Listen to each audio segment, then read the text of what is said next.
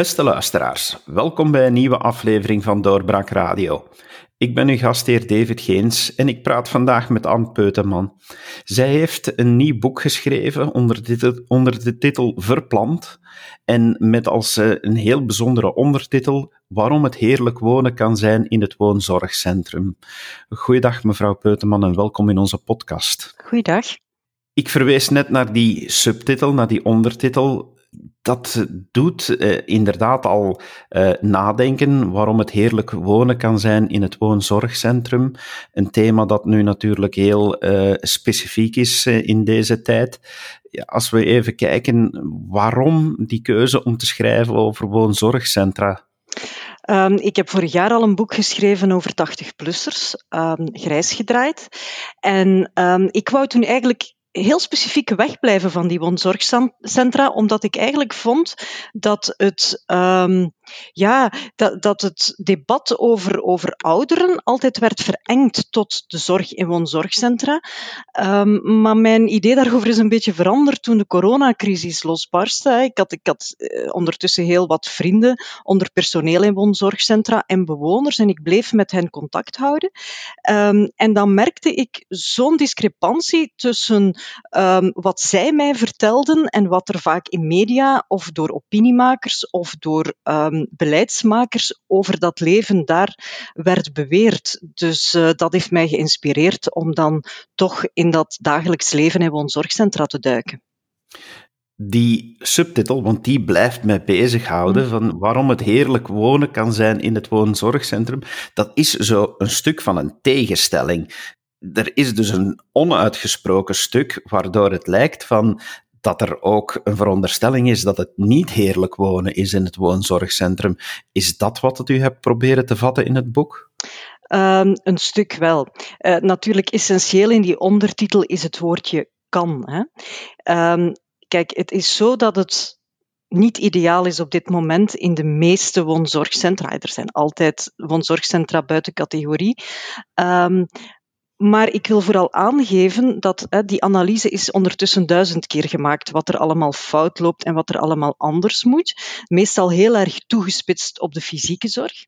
Maar als je dan verder gaat kijken en met mensen gaat praten, dan merk je al heel snel dat die fysieke zorg hen eigenlijk meestal net iets minder interesseert dan um, de touwtjes over hun eigen leven in handen kunnen blijven houden, inspraak hebben, zichzelf kunnen blijven.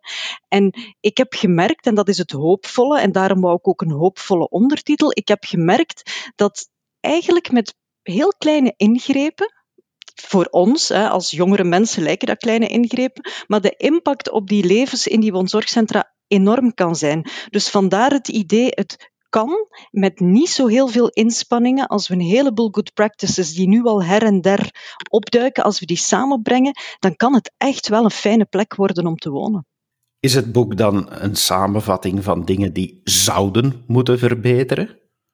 Ja, een, een combinatie. Um, ik ben vertrokken vanuit die bewoners, hè, want ik vind dat dat veel te weinig gebeurt. Dus ik heb in de loop van de afgelopen jaren met heel veel bewoners gepraat. Um, en ik ben vandaar vertrokken waar zij mee zitten. En dat gaat soms over kleine dingen. Hè. Nooit meer echt lekkere koffie kunnen drinken, nooit meer kunnen kiezen wat je, wat je aandoet, wat, uh, wat je eet, waar je mee bezighoudt, dat soort dingen. En dan, dan zie je dat sommige woonzorgcentra zijn zich daar echt wel van bewust en doen daar ook iets aan. Hè. Die experimenteren, uh, die veranderen van richting met vallen en opstaan een beetje. Het lukt niet altijd. Dus die dingen, sommige dingen bestaan al, andere dingen, denk ik, moeten we gewoon even creatief over nadenken. Um, van hoe kunnen we dat op een andere manier organiseren? En um, wat ook heel belangrijk is daarin, het is niet de bedoeling. Het is, ik, ik pleit er niet voor om zo eenzaligmakend scenario te maken voor alle woonzorgcentra. Dat heeft geen enkele zin, want alle 80-plussers zijn ook niet hetzelfde en hebben niet dezelfde voorkeuren en, en problemen en verlangens. Dus een, veel meer op maat van die mensen. En dat betekent vertrekken vanuit de bewoners en niet zozeer vanuit de organisatie. Vindt u dan dat de reputatie van woonzorgcentra verkeerd zitten? Hebt u vastgesteld dat er uh, voornamelijk een verkeerd beeld is, of is het beeld correct? En moeten de woonzorgcentra aangepast worden aan, aan de nieuwe wensen van de 80-plussers? ik denk dat we op dit moment vastzitten in een vicieuze cirkel. Dus je hebt die perceptie, die voor een deel terecht is, maar heel veel verhalen die vaak naar voren komen.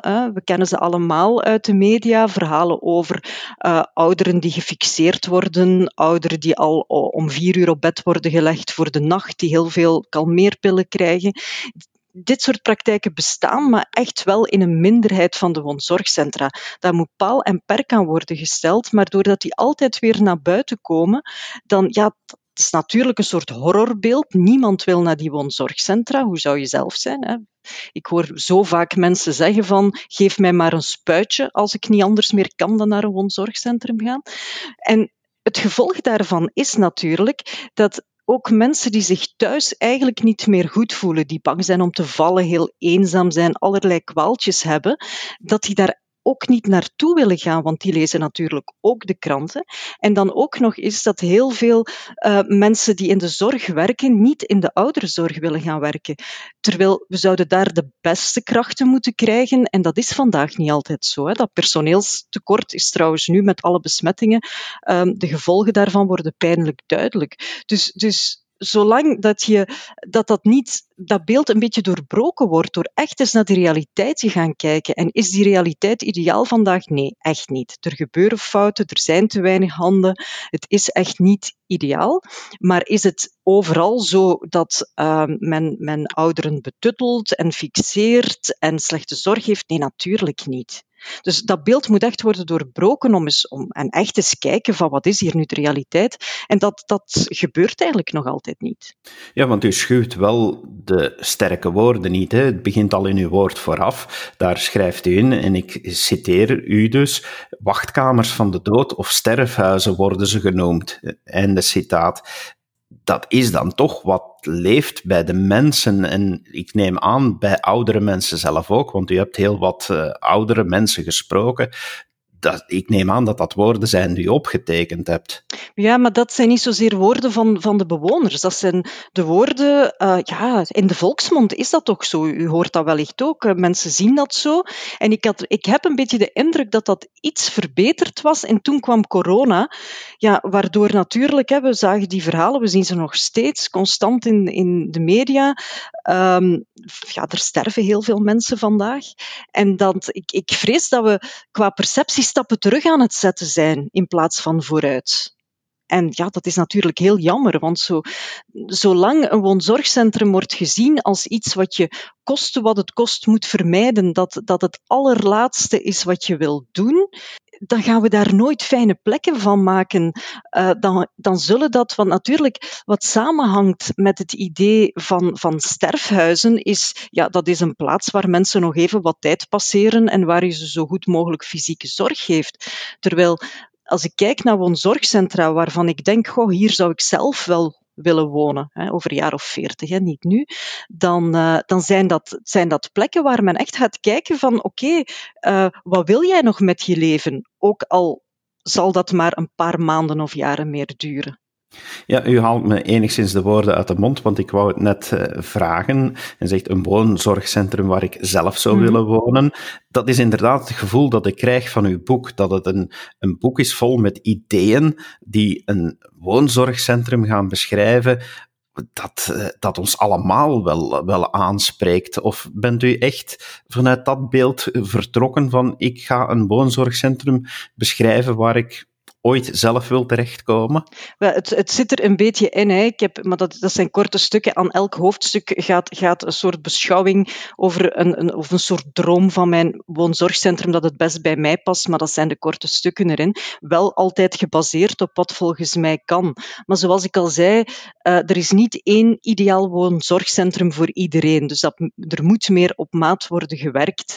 Maar ik denk wel, kijk, voor mij is het belangrijk, voor alle duidelijkheid, ik zou het liefst blakend van gezondheid op, uh, op een dag heel lang van u verwijderd het, het graf in huppelen. Maar wij weten allemaal, als je het geluk hebt om zo oud te worden, dat de kans dat je nog huppelt niet zo groot is.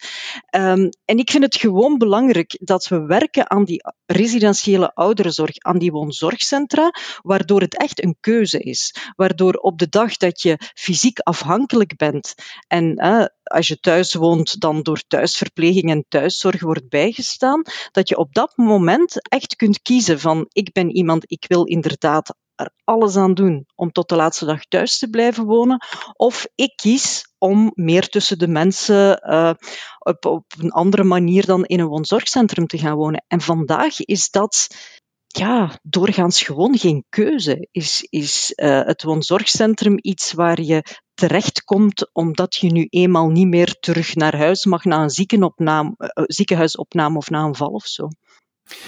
Dat brengt me eigenlijk bij een volgend punt. En ik heb niet de gewoonte om wanneer ik met een auteur spreek, om veel te verraden over het boek. Mhm. Want ik wil de lezers prikkelen om het boek mhm. te kopen en te lezen. Maar ik ga er toch een aantal dingen uitpikken. En dat is inderdaad die keuze maken. Hè. Je zegt het nu zelf, de keuze maken om in een woonzorgcentrum te gaan wonen. Maar ik heb de indruk dat dat toch heel vaak ook voorkomt in hetgeen wat u beschrijft, dat we moeten nadenken over hoe die ouderen eigen onafhankelijke keuzes kunnen blijven maken. Klopt dat? Ja, want ik, ik, eigenlijk vind ik dat heel raar, maar ik ben er nu al jaren heel intensief mee bezig, dus wellicht uh, is dat voor mij anders. Maar ik vind het ontzettend raar hoe vaak ik in debatten of bij lezingen moet gaan benadrukken ja, heel veel mensen die in een woonzorgcentrum wonen, dat zijn wilsbekwame volwassenen. Hè? Die, die zijn fysiek slechter, soms kunnen ze hun bed niet meer uit, ze denken misschien of praten misschien wat trager, maar het zijn wel wilsbekwame volwassenen. Dus is er eigenlijk geen enkele reden waarom we hen zoveel beslissingsmacht uit handen gaan geven. En voor mij is op dat moment heel belangrijk dat ze de kans krijgen. We gaan niemand dwingen om, om zelf te blijven beslissen, maar om mensen minstens echt de kans te geven om ten eerste te kunnen beslissen over hun eigen dagelijks leven en ten tweede een stuk inspraak te krijgen in het dagelijks leven in het woonzorgcentrum. En waar ik zelf enorm van heb opgekeken, want in het begin dacht ik ook, ja, dat voor, voor degenen die nog er het best aan toe zijn, gaat dat, maar voor anderen niet. Maar ik heb uh, nog net voor de, de coronacrisis begon de kans gekregen om een paar gesprekken bij te wonen. Dat was op een, een afdeling met mensen met dementie. En dat is natuurlijk niet zoals wij nu met elkaar praten, maar, maar die psychologen die, uh, en ergotherapeuten die zijn daarvoor opgeleid en die gingen echt met mensen die al in een behoorlijk stadium van dementie waren, gingen die een gesprek aan om, om uit te zoeken van oké, ben jij tevreden met het leven hier? wat wil jij precies? En dat kwam bijvoorbeeld uit dat een, een man die, die daar al maanden heel nors zat, uh, een man met dementie, die aangaf, ja, ik, ik vind het eigenlijk verschrikkelijk dat ik elke dag in een, een slobberbroek en slobbertrui word gestopt, want ik heb mijn hele leven een maatpak gedragen. En dan hebben ze dat weer aangepast. En dat soort dingen die voor ons hele kleine details in het leven lijken, die, die worden wel behoorlijk belangrijk um, als het gaat over zingeving en, en waardigheid enzovoort. Als je, als je wereldje zo klein is geworden omdat je afhankelijk bent. Ja, want u hebt wel gewerkt met heel veel getuigenissen. Dit mhm. boek is niet vanuit de hoogte geschreven, maar is echt wel geschreven vanuit de visie en de getuigenissen die u hebt opgetekend. Ja, ik, ben ik vond het heel belangrijk om daaruit te vertrekken, omdat ik net vind dat we in onze samenleving nog altijd veel te weinig naar die mensen luisteren, naar henzelf. Uh, en dat is heel vreemd, ook nu. Ik denk dat er nog nooit zoveel is gezegd en geschreven over 80-plussers, vooral over rusthuisbewoners, dan het laatste half jaar, sinds, het begin van, van de coronacrisis. Maar, maar het gaat nog altijd over hen. Het gaat nog altijd heel weinig. Laten we hen aan het woord. Hè. In, in mijn boek, uh, een van de eerste getuigen die ik uitgebreid heb geïnterviewd was Roger Liebaert, rusthuisbewoner. En hij heeft mij dan van de zomer gecontacteerd omdat hij een opiniestuk had geschreven. Dat hebben we op knak.be gezet.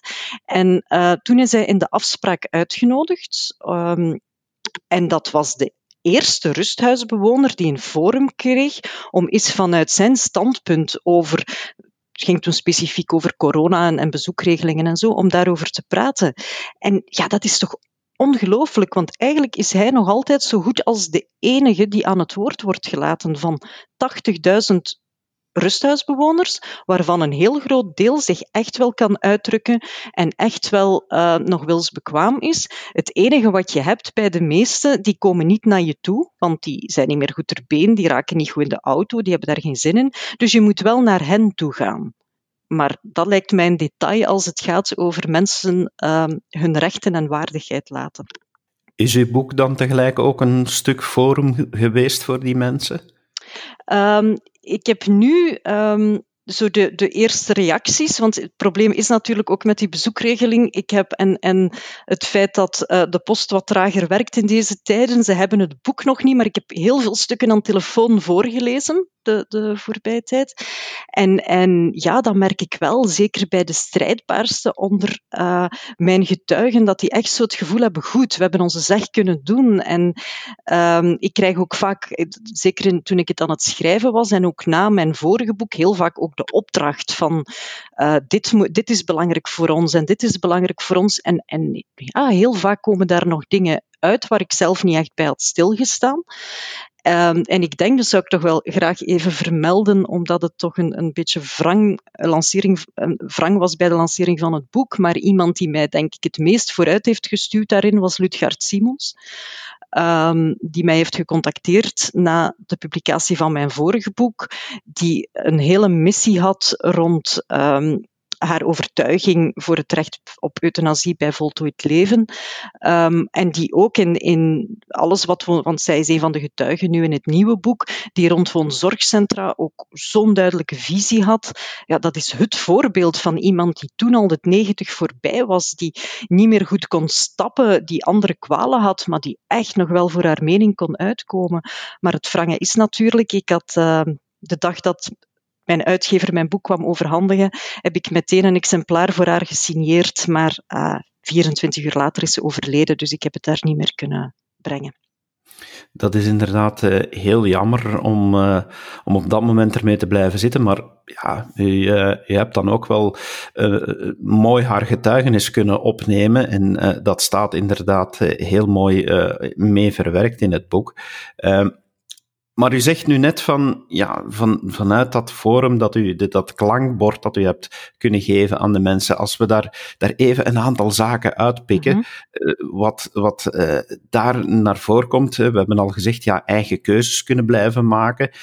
Zelfredzaamheid is ook zo'n woord dat bij mij is blijven mhm. hangen. Mm -hmm.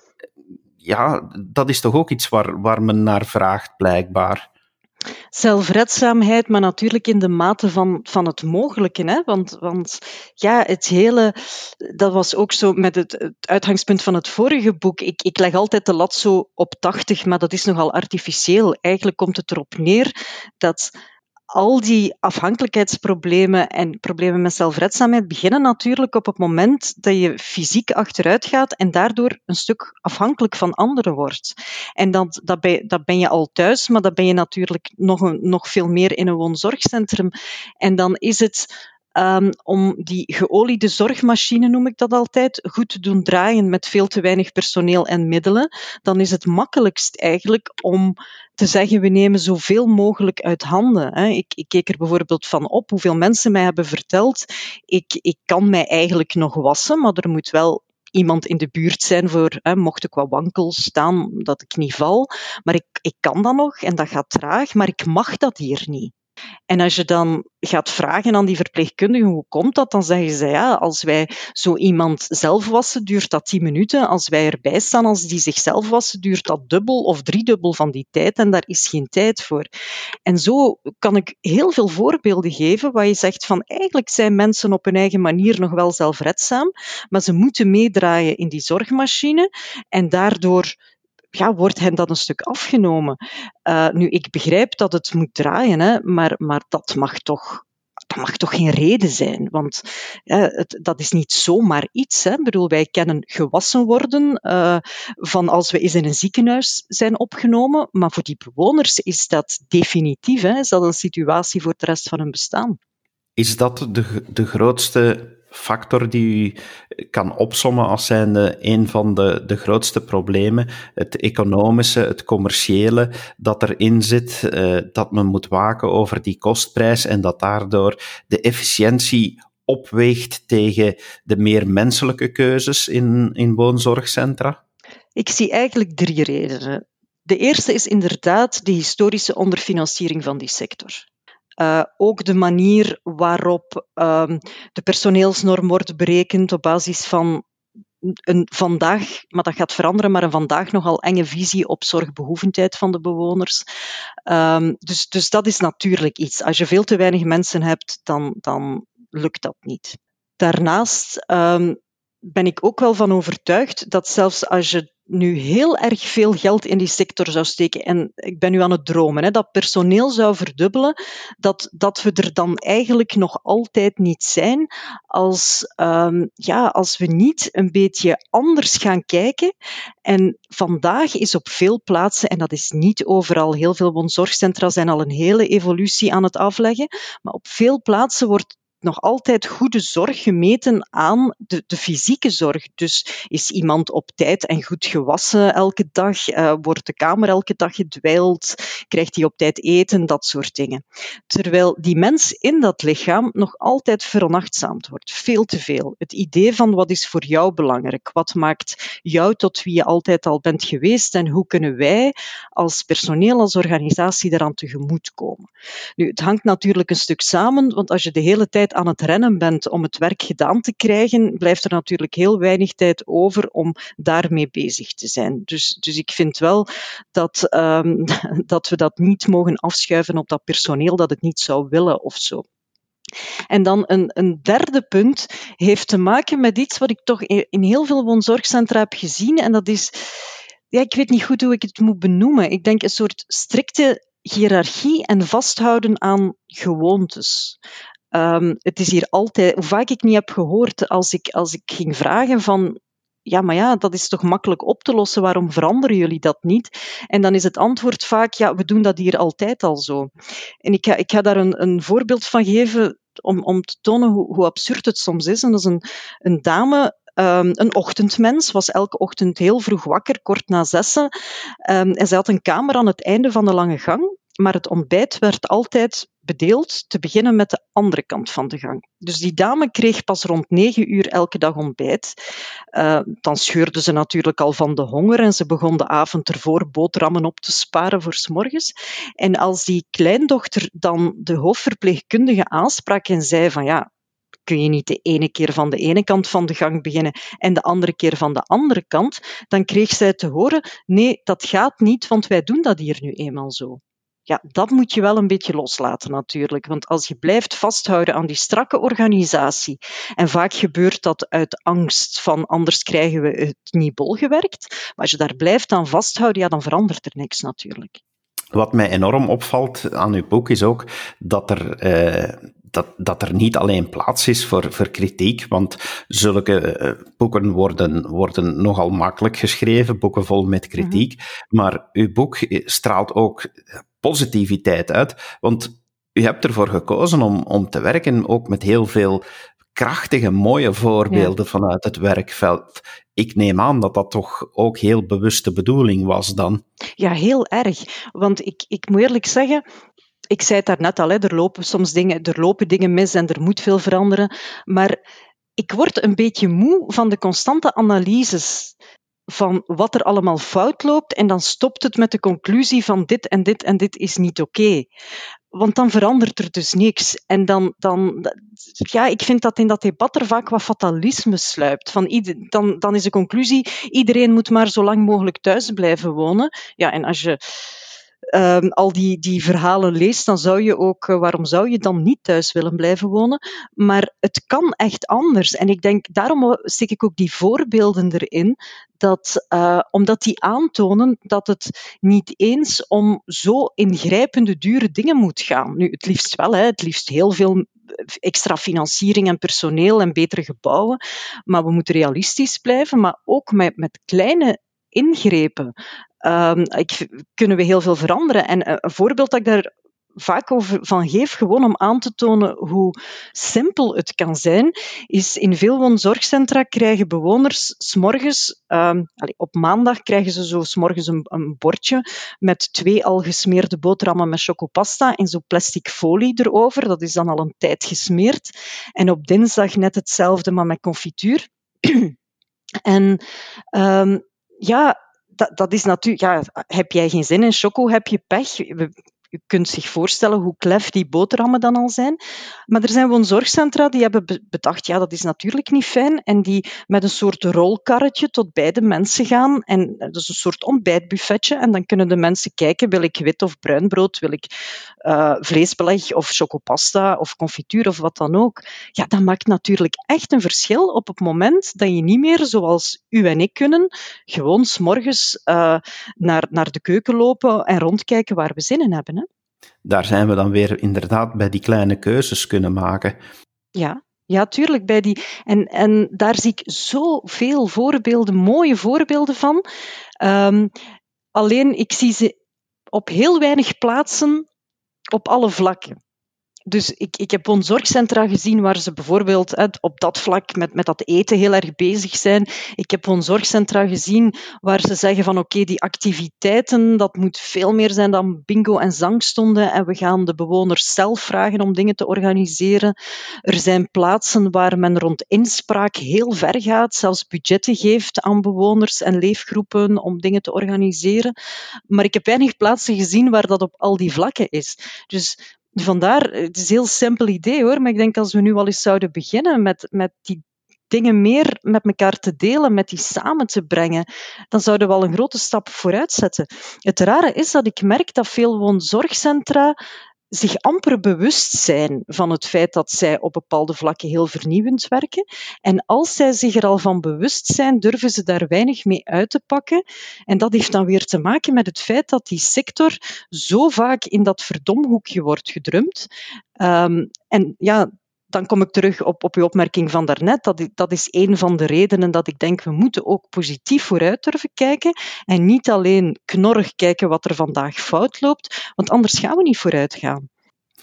Ik ga nog als eh, laatste vraag uh, een aantal thema's beschrijven of opsommen die ik heb teruggevonden in uw boek. En de vraag is dan eigenlijk welk thema was voor u meest speciale om over te schrijven. En het lijstje dat ik genoteerd mhm. heb, uh, dat, ik, uh, dat voor mij opviel, was zorg, eenzaamheid, verdriet, angst en seksualiteit uh, bij ouderen. Ja, wat pikt u daar nu uit uit dat lijstje? Wat een negatief lijstje hebt u gemaakt, los van de laatste, van seksualiteit.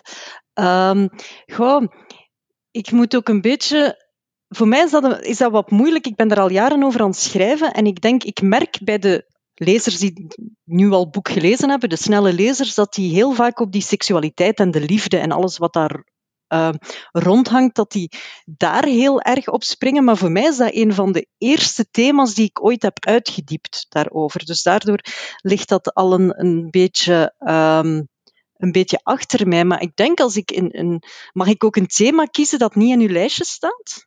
Ja, dat mag u. Dan is het inspraak. Ik vind dat zo, dat is iets zo belangrijks in onze samenleving. Hè? Zeker de laatste, het laatste decennium is inspraak, of dat nu op een school is, of in een buurt, of hè, wat, wat doen lokale besturen allemaal niet om te proberen iedereen tot de kwetsbaarste mens inspraak te geven. Maar eens je naar een woonzorgcentrum gaat, staan wij daar als samenleving niet meer bij stil dat dat ook nodig is. Uh, en ik zei het, ik haalde het daarnet al aan, hè, bewonersparlementen, bewonersraden. Uh, ik vind eigenlijk, en um, dat is niet eens mijn idee, dat is mij, mij ingefluisterd door een, een heleboel rusthuisdirecteurs, die zeggen eigenlijk zou je moeten in je raad van bestuur ook een vertegenwoordiging van de bewoners hebben. Alleen die raden van bestuur, die staan daar op dit moment nog niet voor open. Maar het is uiteindelijk het huis van die mensen. Het is niet een ziekenhuis waar ze zijn opgenomen. Het is niet een plek waar ze komen logeren. Het is hun huis. En um, ja, er is zo een, een rusthuisdirectrice uh, die, die het vergelijkt met een appartementsgebouw, waar uh, allemaal mensen verantwoordelijk zijn voor hun eigen appartement. Maar er is zo een bewonersraad die zich bezighoudt met alles wat gemeenschappelijk is. Hè? De werking van de lift en, en de poetshulp voor het trappenhuis enzovoort. En die zou die richting uit willen gaan. En ik denk dat het daar allemaal mee begint. Want als je inspraak geeft, dan komen, al, dan, dan komen daarin al die andere dingen natuurlijk ook aan bod. Dat is een mooie conclusie. Het boek Verplant, waarom het heerlijk wonen kan zijn in het woonzorgcentrum, is uh, een boek dat ons allemaal doet nadenken over het uh, heden van onze eigen geliefde ouderen, maar ook over onze eigen toekomst. Geschreven door Anne Peuteman, uh, waarmee ik dit gesprek had. Dank u wel, mevrouw Peuteman, om zo ingetogen te vertellen over wat u geschreven hebt. Heel graag gedaan. En u, beste luisteraar, uh, u kan dit boek uiteraard vinden op onze boekhandel bij doorbraakboeken.be. Het boek is uitgegeven bij Uitgeverij Vrijdag en is ook uiteraard te vinden in uw reguliere boekhandel. Uh, rep u naar daar of rep u dus naar onze website en schaf het aan, want het is echt wel de moeite om te lezen. Dank u wel en tot een volgende keer. Dit was een episode van Doorbraak Radio de podcast van doorbraak.be. Volg onze podcast op doorbraak.be/slash radio of via Apple Podcasts, Overcast of Spotify. Bezoek ook onze website op doorbraak.be en steun ons door een vriend te worden van Doorbraak.